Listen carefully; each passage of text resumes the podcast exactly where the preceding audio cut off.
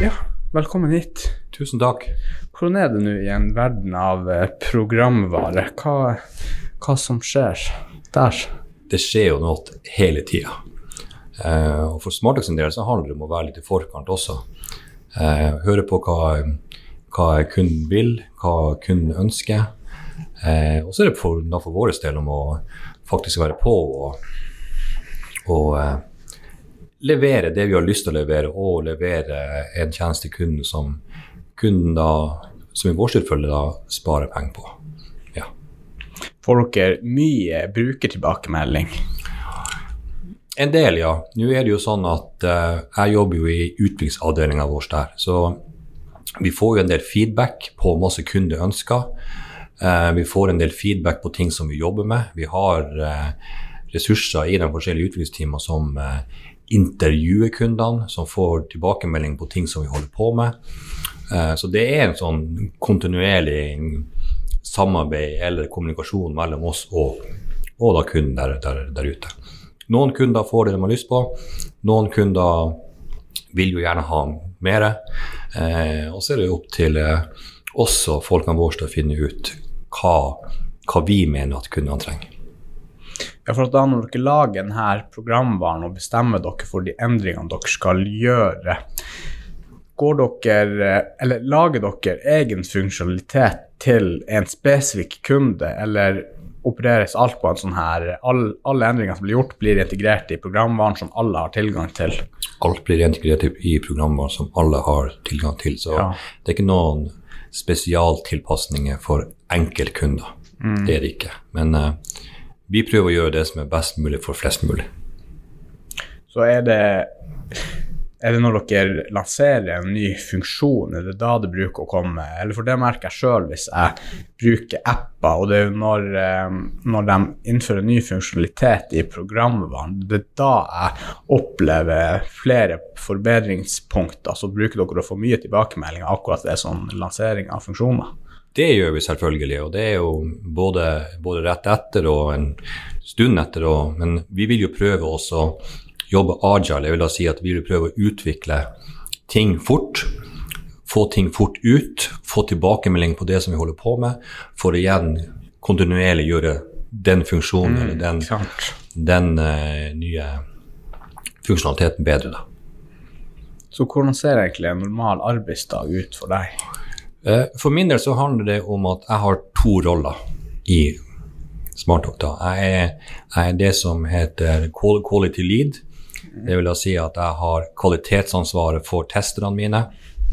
Eh, Vi legger opp til rutiner, struktur på hvordan vi skal kvalitetssikre pro- produktet. Eh, Og så har jeg en annen rolle som da går på å være den, Det norske ordet er nok smidig coach, eh, eller agile coach. og Det handler egentlig om å være en fasilitator for teamene. Rett og slett legge opp til gode forutsetninger for at teamene skal, skal lykkes med det de holder på med, og at kunden blir fornøyd med det som vi holder på med. Ja, så du sitter egentlig ikke på koder sjøl? Jeg, jeg starta min karriere som utvikler for uh, 25 år siden, men eh, og har vært utvikler i kanskje totalt eh, ikke, så, ikke fulltid, men rundt tolv år. Eh, men så har jeg jobba innenfor softwarebransjen med masse andre fors forskjellige ting. Så det er jo erfaringene mine både som utvikler og erfaringene mine som, som andre roller jeg har hatt, som jeg, som jeg gir tilbake da til teamene våre. Ja, det er jo fint at du har den innsikten også, så at man ikke bare vil eller team, eller egentlig ikke har, eh, eh, egentlig ikke har peiling på hva man snakker om. For det er jo visse situasjoner det skjer. Altså, det er jo sånn i den bransjen som vi jobber i, at endringer skjer jo hele tida. Um, men den rollen som jeg har, handler rett og slett om å ja, være fasilitator på møter. Eh, vi kjører noe som heter retrospec, som er en type statusmøter på hvor vi ser hva som, er, hva som er bra, hva som kan bli bedre, hva som holder oss igjen. Um, hvordan utfordringer kan vi se fremover. Eh, kanskje det viktigste møtet som teamene har eh, etter hver gang vi har laga noe. Eh, og så kjører vi helsesjekker inn i teamene. Eh, rett og slett bare for å finne ut hvordan teamene har det. Eh, vi kjører eh, workshop som går på rollen din, hvilke forventninger har du til rollen din, hvilke forventninger har andre til rollen din. Så vi prøver hele tida å kjøre workshoper som, som, gjør teamene bedre, og få denne forståelsen av at det å jobbe sammen som et team er, er kjempeviktig. Og det å ha et godt team er kjempeviktig. Så hvordan strukturerer dere et team fra grunnen av? Det er jo forskjellige roller som er knytta inn i teamene. Alt fra product manager til eh, UX, til utviklere, til QA. Uh, så det er, det QA, hva er det for? Det QA er da Quality Assurance, og det er jo da testerne våre. Så er det sånn at når jeg sitter her og prater, så kan det være at jeg bruker ord som virker ukjent, men da må du bare Ja, hiv inn, For, i, for, i, for i hverdagen vår så er det helt naturlig. Men det er, sånn, det er et sammensatt team Eh, et, et eh, selvgående team som får en oppgave som de skal løse på best mulig måte. Og så er det opp til teamet hvordan de løser den. Så det er, mm. det er sånn vi jobber. Så dere gir egentlig teamet helt frihet i Vi gir, frie, vi gir teamene frihet til å gjøre det de skal gjøre ut ifra en bestilling som er kommet. Det er ingen som forteller dem hvordan de skal gjøre det. De løser det. Det eh, handler om å gi tillit til teamet og handler om at du får eierskap til det du skal gjøre, og at det motiverer deg til å gjøre en enda bedre jobb. Nei, absolutt. Det høres ut som en veldig god idé da, og ha en veldig god metode. Ja, vi syns det fungerer veldig bra. Og så er du litt sånn inne i softwarebransjen nå, så er det veldig sånn eh, Det er veldig mye team. Eh, men det, det er jo det er som man eh, bruker å si, at straks du, straks du, er to eller flere mot en felles ting, eh, og du føler at du er et lag, så, så skjer det faktisk noe med deg. Jeg kan jo bare ta eksempler på når jeg gikk på skole og eksamen f.eks. Gjøre en eksamen sjøl alene og kanskje få en god karakter er kjempebra, men å gjøre en eksamen sammen med andre og få en god karakter føles faktisk mye bedre ut. Fordi at du føler at du er en del av en ting som motiverer deg igjen til å gjøre ting enda bedre. Jeg husker når jeg studerte i Trondheim i et år.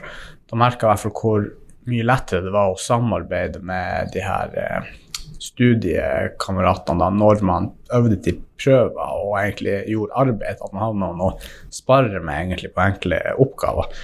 For at uh, når man går fast sjøl, og så sitter du fast på samme problem i to timer, og da blir du demotivert og til slutt forbanna og bare hiver alt vekk og går og gjør noe annet. Og da hvis du har et team, kan du bare spørre dem, dem, og så gjør man hverandre god. Ja, så det handler om å ha folk rundt deg som, eh, som løfter deg opp, som tar deg med, som, eh, som også kan spørre deg om hjelp. Og jeg tenker jo at den, en av de største anerkjennelsene du kan gi et annet menneske, er å be om hjelp. Og det å få den her empatien og den forståelsen inn i teamene, eh, det er jo et ord som jeg er veldig glad i, og som vi bruker veldig mye borti Smarttalk, som heter psykologisk trygghet. Det at du faktisk tør være den du er, uten at du er redd for at det skal få konsekvenser for deg sjøl. Du kan si at 'jeg vet at jeg er ansatt til å gjøre det her, men akkurat det her så kan jeg ikke nå. Nå har jeg faktisk feila. Eh, er det noen som kan hjelpe meg? Og det å liksom ha en sånn følelse at det er greit å dele det inn i teamet, gjør at teamet blir bedre. Og det her er jo ting som har blitt forsk forska på. Um, Google hadde jo en, eh, et prosjekt for masse år siden hvor de da lurte på hvorfor er det at det er noen team som bare fungerer bedre enn andre teams. Ja, uansett hvilken oppgave det teamet får, så funker det bedre. De kjørte et prosjekt på det her, gjorde masse målinger. Eh, og så tror man kanskje det at kanskje det er de teamene som har høyest IQ, eller som har flest eh, seniorer med seg, som er de beste teamene. Men det er faktisk de teamene som har størst grad av psykologisk trygghet, som blir de high performance team. De teamene som vi gjerne vil ha, de teamene som du gjerne vil være en del av. Ja, så ja, samarbeid er jo mer effektivt, som sagt. Samarbeid er mer effektivt, ja.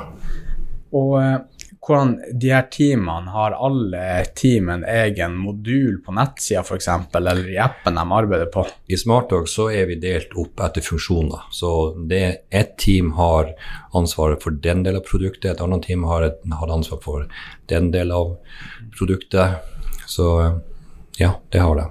Så har vi nå et sånn her core-team som liksom har Som gjør litt forskjellig uavhengig av, av selve av selve teamtimene. Mm. De er sånn frilansere? Ja, litt sånn, litt sånn frilansere, men de, De går ikke på spesielle deler av produktet, men kanskje jobber med fundamentet i SmartDock. Ah. Ja, det er jo kult, da. Det er jo tenk tenker meg det blir noen linjer med kode i en sånn type programvare. Det er, det er mye, mye kode. Så eh, ja, helt klart. Og en UX-designer, hva er det for deg som ikke vet? UX-designere er jo en som har ansvar for hvordan ting ser ut. Eh, brukervennligheten, at det er en tanke bak det. Altså, det er ikke bare en funksjon som du skal løse, men hvor brukervennlig er det faktisk å bruke denne funksjonen i SmartDoc. Så eh, det er en veldig viktig rolle som vi ikke har hatt før, som vi faktisk eh, først fikk for ja, et og et halvt år siden, tror jeg. Men som kanskje kommer inn og, og ser og forteller utviklerne og teamet hvordan ting burde se ut for at kunden skal få en brukeropplevelse som de, som de liker. Vi vet jo sjøl også å bruke ting som vi syns er lett å bruke, er, er kjempe, kjempefint. Og nå er det sånn at vi har liksom ikke tid at hvis du går inn på en app og du ser at det her ikke funker, eller det går tid, så dropper du egentlig bare ut. Går du inn på en nettside og du må vente tre sekunder for at ting kommer opp, så har du ikke tid til å vente. Så denne, denne førstegangsopplevelsen du får med å bruke noe, er kjempeviktig. Mm. Så en UX-designer er egentlig bare en, en, arkitekt for funksjonalitet, på en måte? Eller? Ja, eller hvordan, eh, hvordan, ting skal se ut. At det skal se likt ut, og at det skal være brukervennlig. Mm. Ja. Nei, men, men. Hvordan har dere noen eh, jeg så dere hadde lansert noe nytt for ikke så lenge siden. Eh, noe som MEP. MEF. MEF ja. ja. det er jo eh, et prosjekt som vi har i SmartDoc som da eh, eh går mot MEF-kunder, eller eh, Maskinentreprenørenes eh, Fellesforbund.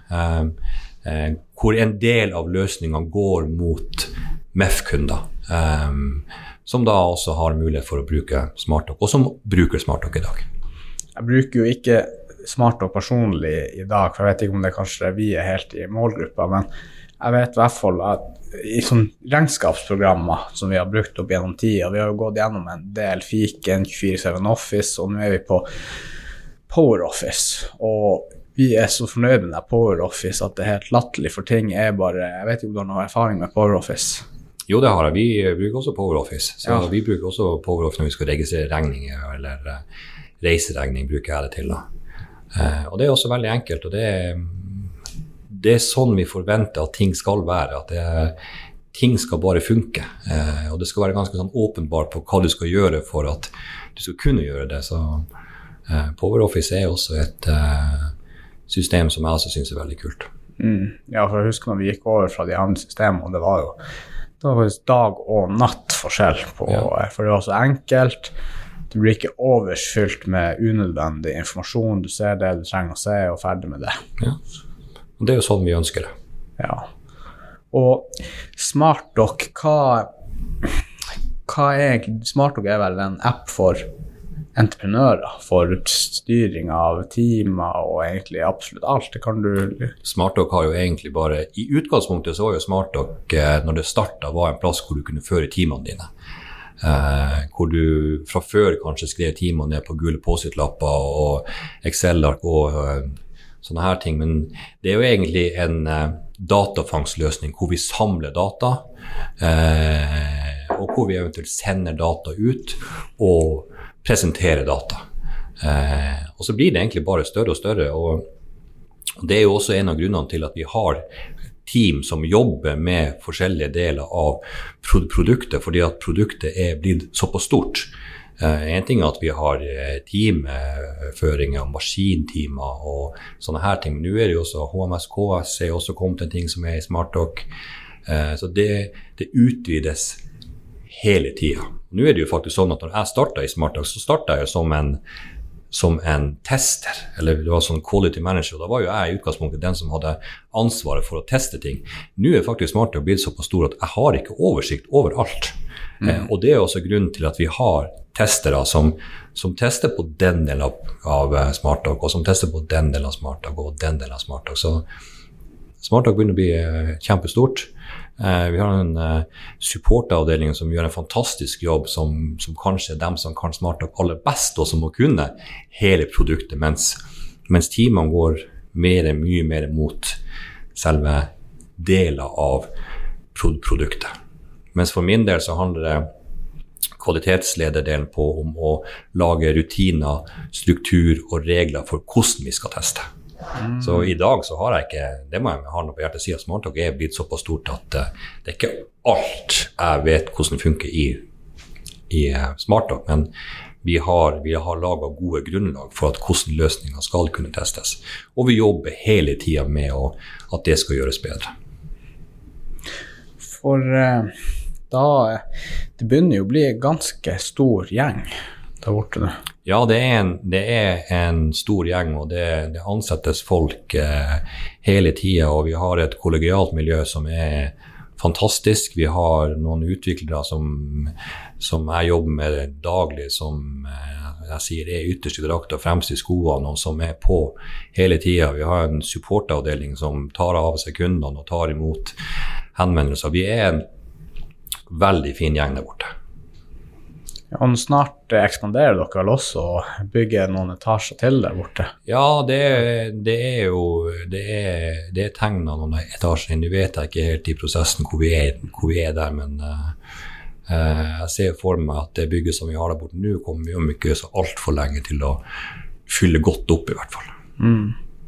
Men det er jo kult at dere i hvert fall har fått kontorer i, i, Oslo og Sverige. og Har dere fått noen flere plasser siden sist? Nei, det er vel det som er, det er, det som er status nå. at vi, vi har kontorer i Sverige, vi har kontorer i Oslo, vi har noen satellitter. Vi har noen som jobber i Fredrikstad, vi har noen som sitter i Silsand, vi har noen som sitter i Tromsø, vi har faktisk folk som sitter i Kautokeino. Eh, det er liksom ikke noen begrensninger på hvor du kan sitte og jobbe mer. Eh, og så er det jo én ting som kanskje koronaen og pandemien har vist oss, at uh, du må ikke sitte fysisk i én plass for å kunne gjøre en ting. Det er fint å være fysisk i én plass og mm. gjøre en ting, men uh, det er ingen hindringer at du kan sitte andre plasser enn akkurat på Smarttalk-bygget. Mm. Ja, det er jo det som er en av fordelene med programvare, at du kan egentlig sitte nesten hvor som helst. Da, du kan sitte hvor som helst. Vi har, uh, vi har folk som sitter i Riga nå. Altså Teamene består jo av utviklere både her i, her i Alta, men også utviklere nede i uh, Riga. Så du kan sitte hvor som helst. Har dere leid inn, hvordan, det, hvordan, funker det? da? Er det et sånn utviklingshus dere har leid inn, eller har dere en det er gjennom, nede? Det er jo, Smartdog er jo kjøpt opp igjen, er jo kjøpt opp av Visma, og Visma har kom kompetenssenter rundt om i verden som, kan, som vi kan da låne inn. Så de, de er en del av oss nå. Så uh, nå har vi om det er fem eller seks utviklere som sitter i Riga, som, som jobber på de forskjellige teamene våre, og som er en del av Smarttalk. Klart. Jeg var faktisk en gang på firmatur der nede i Riga med tidligere arbeidsgiver. AB Elektro, nå er det Bravida. Det var en fin plass. og satt i Skybarn der midt i, midt i, byen på hotellet vi var. Ja. Det var norske priser på drinksene der, men uh, det var en fin plass og ja. mye sånne her historiske monumenter. og ja, en livlig by, kan man trygt si. Jeg har aldri vært der. Vi har hatt besøk av dem her oppe her nå for uh, noen uker siden. Uh, de kommer opp igjen nå om et par uker, og så er det en, uh, en gruppe fra oss da, som skal besøke dem i januar en gang, tror jeg. Mm. Hva den største utfordringa de har vært i næringslivet? Min utfordring? Ja, eller den største problemet du har stått overfor, eller utfordringa? Veldig godt spørsmål, egentlig. Um, um, det er jo sånn at uh, jeg starta jo i et selskap, et DRP-selskap i uh, Asker. DRP? ERP. ERP Enterprise ja. Resource Planning. Uh, som jeg gikk, på, jeg gikk, jo på, høyskolen her i fire år. Eh, fikk jobb i det selskapet i 1997. Jobba i det selskapet i nesten 16 år. Eh, skjedde en del ting i selskapet da, og satt, jeg satt jo to år nede i Asker og jobba, og så satt jeg resten egentlig her oppe og var litt sånn konsulent og for mye sørover. Eh, så kom til et punkt hvor jeg faktisk fant ut at det å ha kollegaer rundt meg. Det er ikke oppskrytt. Eh, god venn av eh, Bjørn Tore Hagberg. Eh, så jeg gikk inn til han da, og så prata vi litt, og så sa jeg at eh, hvis du ser at du kan bruke meg på noen som helst måte nå, så har du mulighet for å ansette meg nå. Så det var liksom, Da hadde jeg liksom en sånn her Skal jeg fortsette å jobbe i konsulentbransjen? Det hadde jeg muligheten til. Da visste jeg at jeg måtte fortsette å reise veldig mye Oslo-Alta, Oslo-Alta og kanskje andre plasser. Eh, eller prøve å, å, finne meg et miljø i Alta med kollegaer rundt seg. Eh, og det var eh, om man skal si at om det var et vanskelig valg, men du, du, kommer til et punkt hvor du må liksom reflektere på hva du har lyst til å gjøre videre fremover. Uh, og det å, det å, tilhøre en bedrift i Alta-samfunnet som, som, gir tilbake til Alta-samfunnet, er også selvfølgelig kjempeviktig for meg. Mm, absolutt. Så hvordan, eh, hvordan utdanning var det du gikk? Gikk noe, jeg gikk noe som het informasjonsteknologi. Det var et treårig IT-studium her i Alta. Jeg mener at vi var den første gruppa som, som gikk det studiet. De hadde et toårsstudie her uh, før det. Så jeg gikk tre år i informasjonsteknologi her, og så skulle jeg gå to år økonomi og administrasjon. Eh, gikk ett år økonomi og administrasjon, og så kom jo det selskapet som jeg begynte å jobbe i, opp hit da. Mm. Eh, og ja, presenterte filmer, rekrutterte folk, eh, og det endte jo med da at jeg fikk jobb der. Eh, og flytta ned til eh, Asker med familien da i 1997. Og så har jeg vært dekant og tatt prosjektledelse og diverse andre kurs og utdanninger. Mm. Så når du var konsulent, hva hva var de typiske arbeidsoppgavene du lærte opp andre folk, eller konsulterte andre i? Vi gjorde, ERP-greia? Vi gjorde egentlig masse. Det er som Jeg sier, jeg starta som utvikler. Eh, det var prosjekt hele tida. Vi hadde kunder. Det vil da si at vi hadde eksempel, Jeg jobba veldig mye med Forsvaret. Eh, logistikkløsning både for Sjøforsvaret og Luftforsvaret. Eh, da var det sånn at eh, IFS, som jeg jobba i, hadde én applikasjon, og så fikk man en kunde inn som gjerne ville endre på det. Så vi gjorde masse tilpasninger egentlig litt sånn motsatt av det Smarttalk gjør i dag. Smarttalk har én løsning som kunder bruker, mens da hadde vi én løsning som flere forskjellige kunder brukte på sin måte. Mm. Eh, så vi gjorde masse tilpasninger innenfor det produktet vårt, så du skulle passe til Luftforsvaret og til Sjøforsvaret.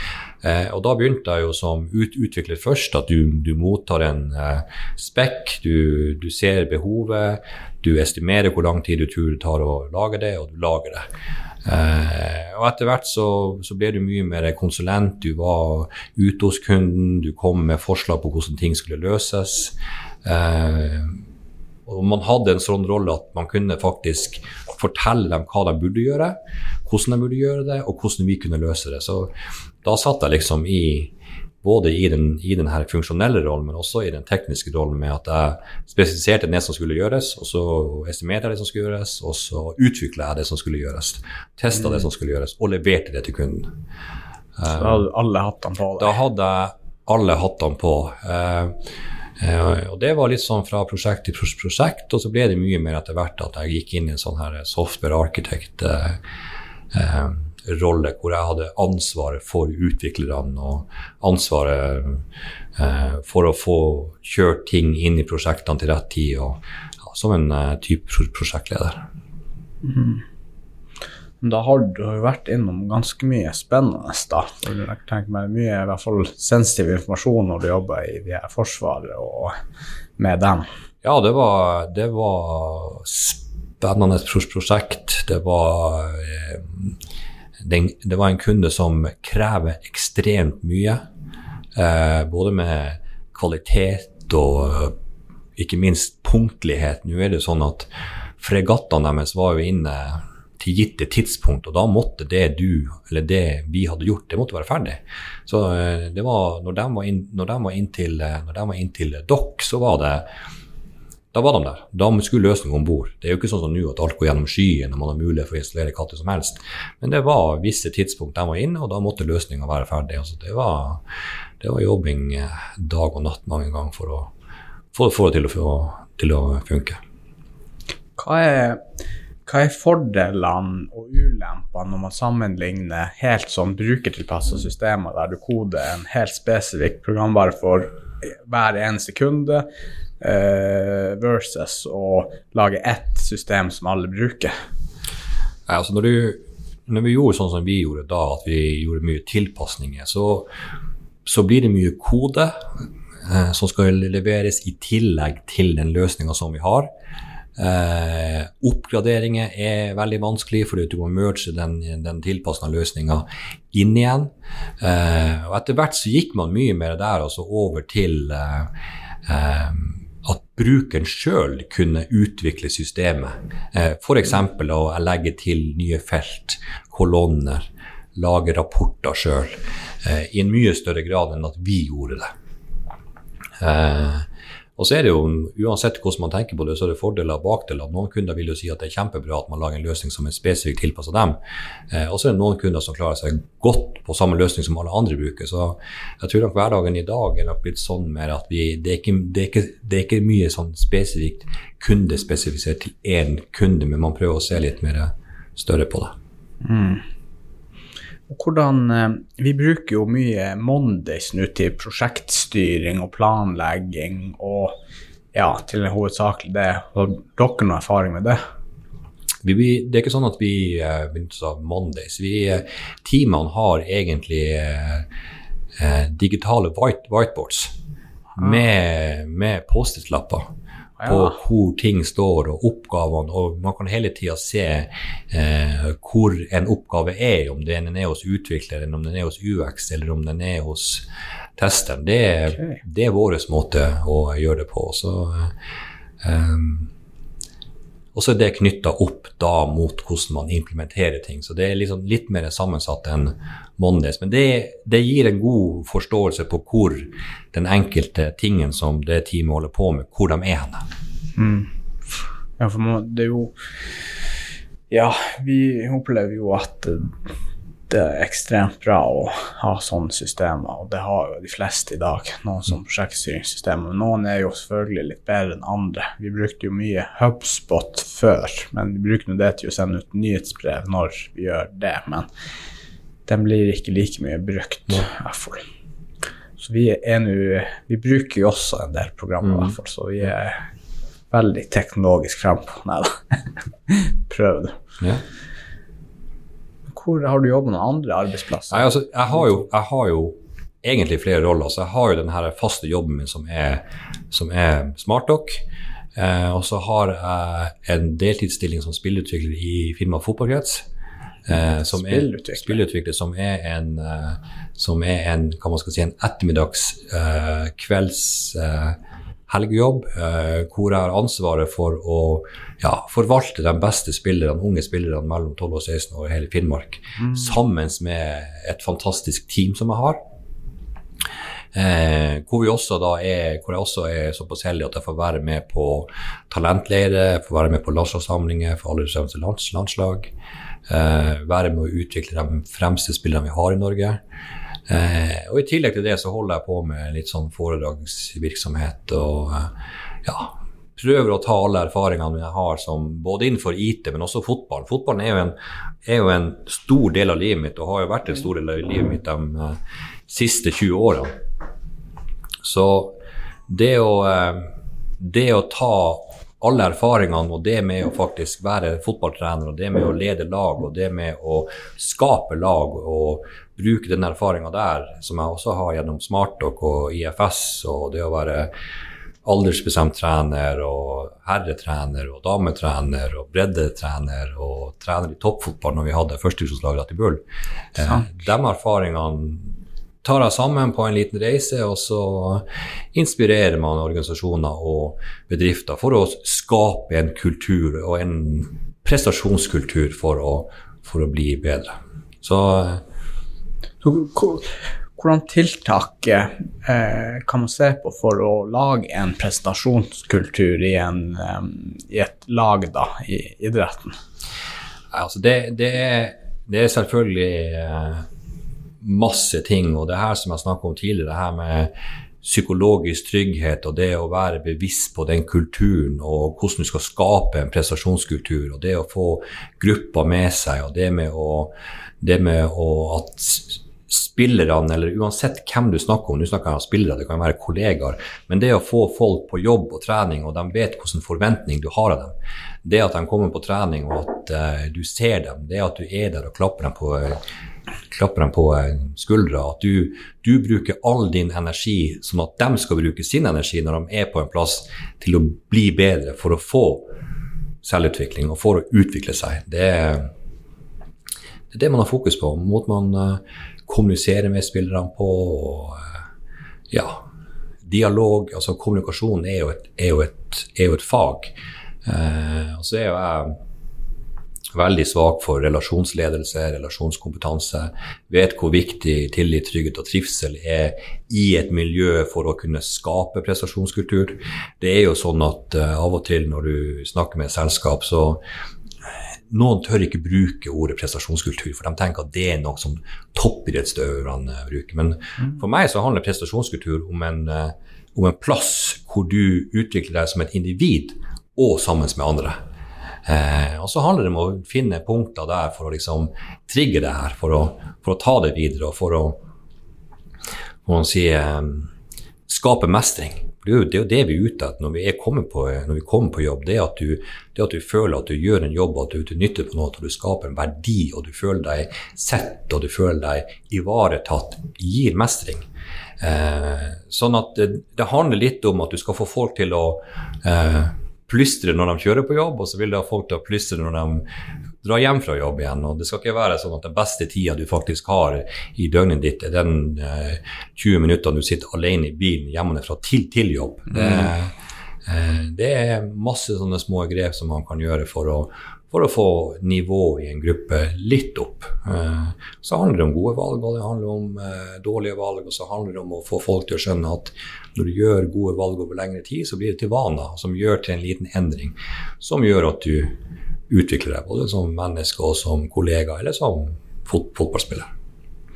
Hvordan er det med de her, Du, du om du hadde sånn, at du var på en måte foredragsholder for det, det er også lag og foreninger? Eller? Det er lag og foreninger, eh, bedrifter, ja, you name it.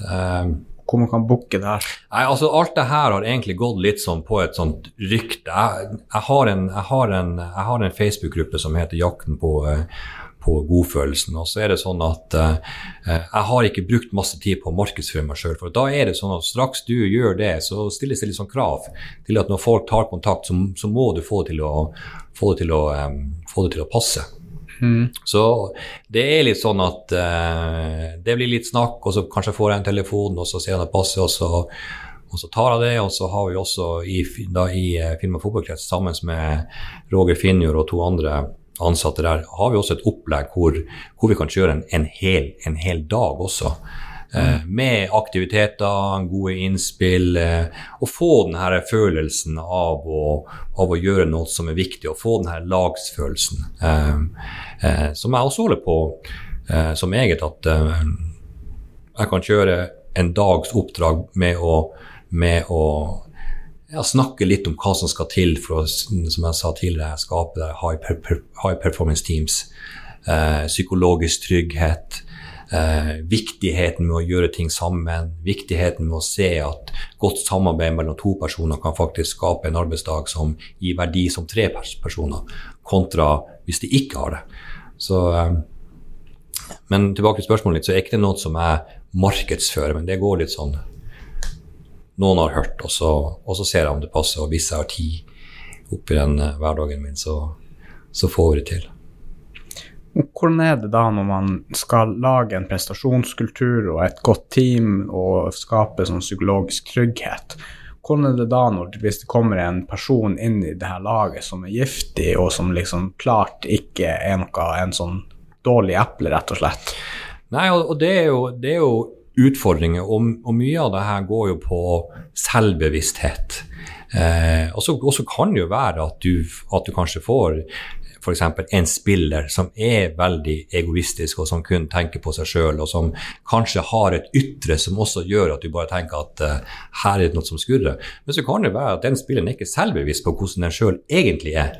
Uh, så det handler av og til om å rett og slett åpne noen dører i tankegangen til ved, vedkommende på at uh, hva du sjøl tenker om det her. Rett og slett ha en enkel coachingsamtale én til én, hvor du eh, prøver å bevisstgjøre uten at du sjøl eh, forteller spilleren hva den skal gjøre, men at du får spilleren sjøl til å reflektere over hva vedkommende gjør, som skaper situasjoner rundt deg. Og det her med verdier og eh, leveregler er også noe som da kommer inn. At du, du prøver jo selvfølgelig å få inn både kollegaer og ansatte og fotballspillere som du tror passer de verdiene som selskapet ditt har, eller som laget ditt har. ikke sant? Så at um, for, Hvis du har f.eks. samhold, så er du ute etter spillere som, som, faktisk vil skape samhold. Og så er du kanskje ikke så mye ute etter spillere som bare kommer inn for å melke sin egen ku og dra. Men uh, så er det jo sånn, noen sånne situasjoner at du kanskje får inn folk som kanskje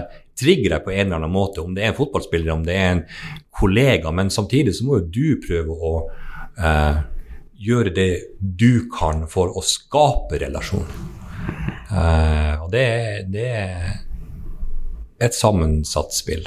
Mm, nei, absolutt. Hvis du kunne gi deg sjøl Hvis du kunne hvis du kunne gi deg sjøl som 20-åring ett tips med all erfaringa og kunnskapen du har i dag, hva ville du sagt til deg sjøl som 20-åring?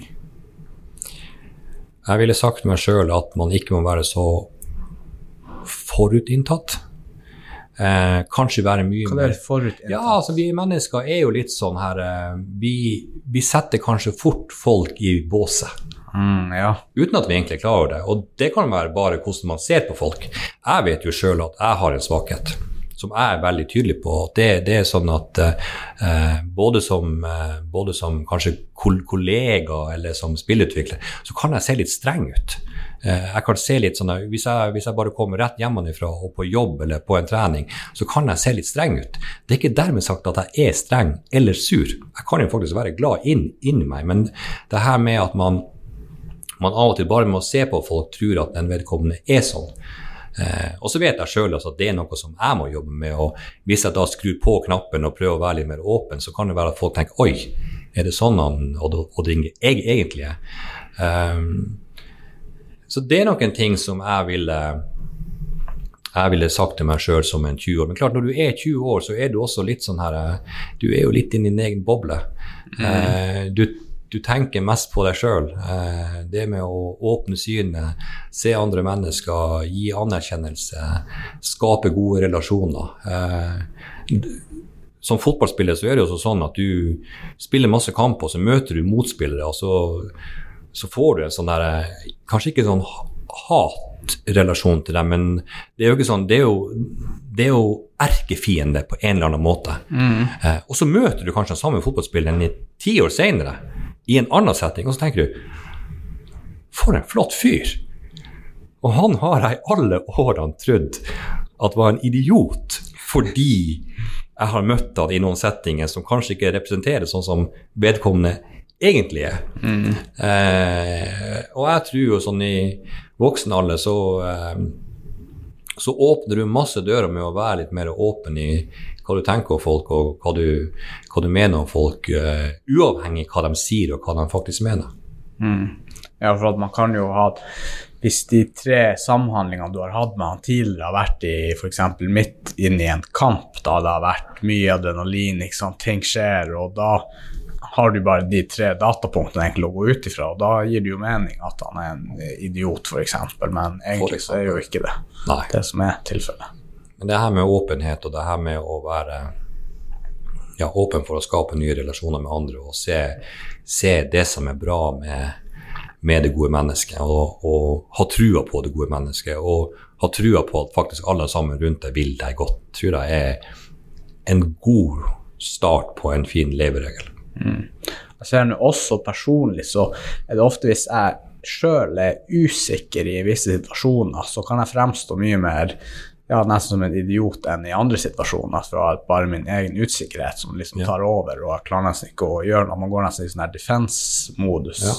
Slett. Det er blitt sånn, og så har vi fått den sutten som alle sammen bruker nå, som er telefon. Og, og og det er jo, man ser jo også straks man, straks man kjeder seg, straks man er litt usikker, så tar man opp telefonen. Altså, det er bare gjengs over det hele. Og det, det, den skaper en, sånn, en falsk trygghet for oss. Samtidig så lukker du en del andre folk ute. Mm. Um, og det er en sånn ting som jeg, jeg bare tenker på at når jeg går til lunsj, så har jeg aldri telefon med meg. Altså, det, det handler rett og slett om at man må være til stede i den lunsjen. Når jeg går i et møte, så har jeg aldri telefon med meg. Altså, Jeg har den aldri på bordet. og Det er jo faktisk noen som har den på bordet og som liksom snur den opp og tror den da ikke gjelder, men det handler om å gi kvalitet hvor man faktisk er. og Det å ha, det å ha fokus og konsentrasjon i det du holder på med der og da, gir, kval gir kvalitet. Eh, jeg vet ikke hvor mange møter man har vært i hvor man går ut og møter og så tenker man, hva var egentlig verdien i det møtet her. Eh, samtidig som hva ga du sjøl i det møtet her? Var du på, eller satt du på telefonen din, eller satt du på vg.no og fulgte med helt andre ting? Så Mm. bevisstheten av å være til stede eh, skaper kvalitet, som igjen gjør oss mye, mye bedre. Men, det handler igjen om kultur, og det handler igjen om møtekultur og hvordan man gjør ting. og Man kan ikke tvinge alle sammen. altså Noen er ekstrovert, noen er introvert. Selv om de som er introvert ikke sier mye, så har de jo masse gode tanker. Men uh, du må liksom prøve å få dem til å åpne seg, så de lure ideene som de sitter med, kommer faktisk ut. Mm. Jeg har hørt en podkast om akkurat introvert og ekstrovert og noen sånne møtegreier. At, at eh, jeg tror det var en leder som snakka om måten å håndtere introverte personer var da. og Istedenfor å ha en idémyldring med masse folk på et møterom, tar man heller og kanskje får dem til å gjøre det alene og sende over et skjema hva deres tanker er, siden at de sosiale situasjonene ikke tillater dem til å være like spiss med den ideen, og kanskje ikke få den frem like effektivt. Ja. Vi, vi, og det er jo litt sånn hvordan det er blitt nå med pandemi og Teams-møte og sånne her ting. Og, uh, men det å, det å bruke det som kalles for breakout rooms breakout. breakout rooms. Altså, Ja. I et Teams-møte så kan du faktisk, hvis det er 20 stykker der, så kan du som fasilitator dele dem opp i tre og tre, f.eks. Fire og fire. Eh, så at de får snakke om en sak før de kommer inn i samme møte. Fordi Det handler litt om den her psykologiske tryggheten, som jeg sa. At, eh, at eh, hva er psykologisk trygghet? Hvis du sitter i et møte, f.eks., og det er en i det møtet som, som bruker et ord som du ikke vet hva er. Hvis det er så mye psykologisk trygghet i det rommet, så tør du faktisk rekke opp hånda for å spørre du, det er ordet der, hva det egentlig betyr. Eller hvis du sitter med en god idé, så tør ikke du si den fordi at du er redd for at den er dum. Men med å ha breakup rooms, det kan også være fysiske ting, eh, er at man har et møte, man går sammen tre og tre, snakker litt, da tør man kanskje si du eh, Magnus, jeg lurer på en ting, denne ideen jeg har med å gjøre det og det, så sier du vet du hva, Odingen, det var en god idé, det syns jeg du skal ta frem. Og da får du litt støtte av én, kanskje to, Ja. du går tilbake til møtet, og så tør du rekke opp hånda. Det er med på å skape psykologisk trygghet. Å bruke breakout rooms i møter for å bare chatte litt sånn to og to, tre i tre, gjør at du får selvtillit nok til å faktisk fremme meningene dine. Som gjør igjen at verdien kommer ut i et møte, og f.eks. introverte kan si det de mener. Det har jo også vært sånn, Du har sikkert også forhåpentligvis gått på skole, Ja. eh, som alle andre. Eh, og mange ganger så spør i hvert fall når jeg var, når jeg var liten, da, var det sånn, da kalte vi eh, læreren vår for frøken. Men når frøken stilte et spørsmål, så kunne det være mange ganger at du visste, du visste svaret, men du ville ikke rekke opp hånda. Mm, ja. Fordi at du var redd for at noen skulle flire av deg. Det er mangel på psykologisk trygghet. Så å jobbe i små grupper for å skape psykologisk trygghet vil gjøre at agendaen i møtet også blir mye, mye bedre. Fordi at du får frem det du faktisk vil. Nei, det er jo Det er vel ikke Det høres ut som en veldig, veldig bra fremgangsmetode for å få ut informasjon. Ja, psykologisk trygghet tror jeg er favorittordene mine for tida. Så eh, det er sånn når vi kjører fasilitering, så er det sånn at eh, de timene som jeg kjører med, straks de bruker det ordet, så vet de at da får han tommel opp hos meg. Fordi at det er så viktig for å skape lag som presterer på høyt nivå. Ja, absolutt. Men hvordan har du har du noe fritid nå, eller er det bare jobb og fotball og Det er, det er veldig mye Selvfølgelig jobben min på dagtid eh, på Smartdog, så hvis jeg ville, så kunne vi jobbe 24-7. Eh, Nå jobber jeg Som regel så kommer jeg på jobb en plass mellom 7 og 8 og jobber til klokka 4. Eh, og så er det film- og fotballkrets, da. Hvor jeg da eh, tar med meg de her tingene som jeg har lært både gjennom dataen med å bruke program og ha struktur på ting, og så har jeg jo et uh, trenerteam som jeg leder sammen med. Så, så handler det om for meg også, som jeg sa i sted, altså, lage gode gro- og vekstvilkår til trenerteamet mitt, som at, som at de, jeg stoler på at de får en task hos meg, så gjør de det. Uten at jeg trenger å følge det så veldig mye opp. Eh, så mye av det går på struktur og god kommunikasjon, og så er jeg der hvis de, hvis de trenger hjelp eller bistand. Du trener ikke noe fotballag før, mer. det har jeg gjort før. Uh, det var veldig tid, tidkrevende. Det å trene et førstedivisjonslag samtidig som at du har fulltidsjobb, det var hardt. Så det som Ungene mine er nå blitt store. To av dem er flytta ut. jeg og kona mi vi har skaffa oss to hunder. Mm. Så jeg har to sjef, schæferhunder som vi bruker ekstremt mye tid på. Både på å trene på lydighet og utstilling og ja. Det er også artig, artig å eh, lede dem og trene dem og se at uh, Du sier jo ikke dem til meg at uh, 'herregud, det her var artig', og jeg, jeg, men du ser at halen går, og de elsker å trene. Uh, det er det mye av tida mi går til. Mm. Hvordan går det med breakdansinga? Breakdansinga, ja. ja der, der, er Jeg var bedre for 30 år siden. Ja. Det skal jeg si. Og så er det sånn at i det foredraget mitt så kjører jeg noen moves. Ja. Uh, og det, det, er sånn jeg er, jeg er, skikkelig redd hver eneste gang for at et eller annet skal smelle. Men uh, frem til nå så har det gått uh, veldig, veldig bra. Så det blir ikke noe comebacks med det første?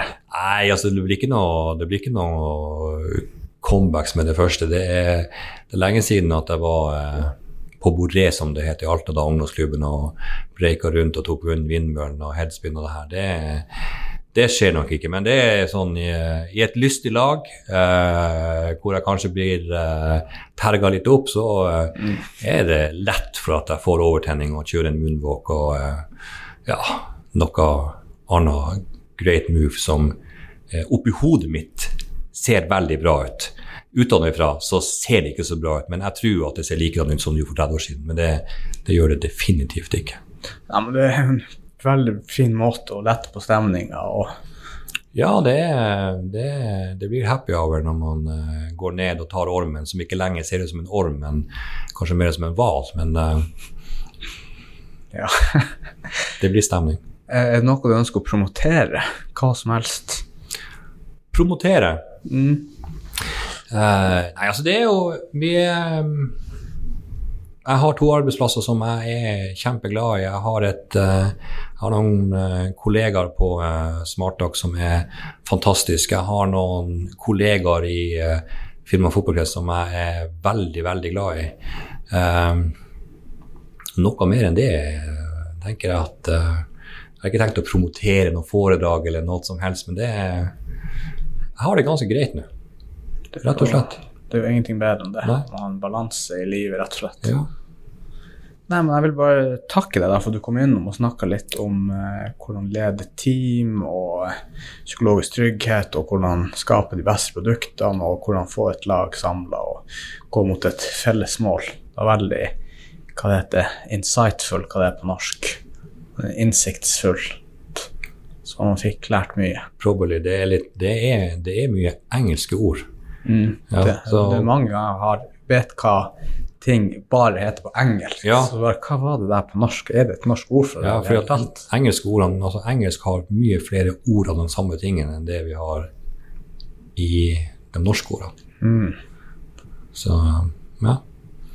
Nei, perfekt. Tusen takk for å komme innom, og ha det bra, alle sammen. Tusen takk for at du kom. Ha det bra. Bare hyggelig.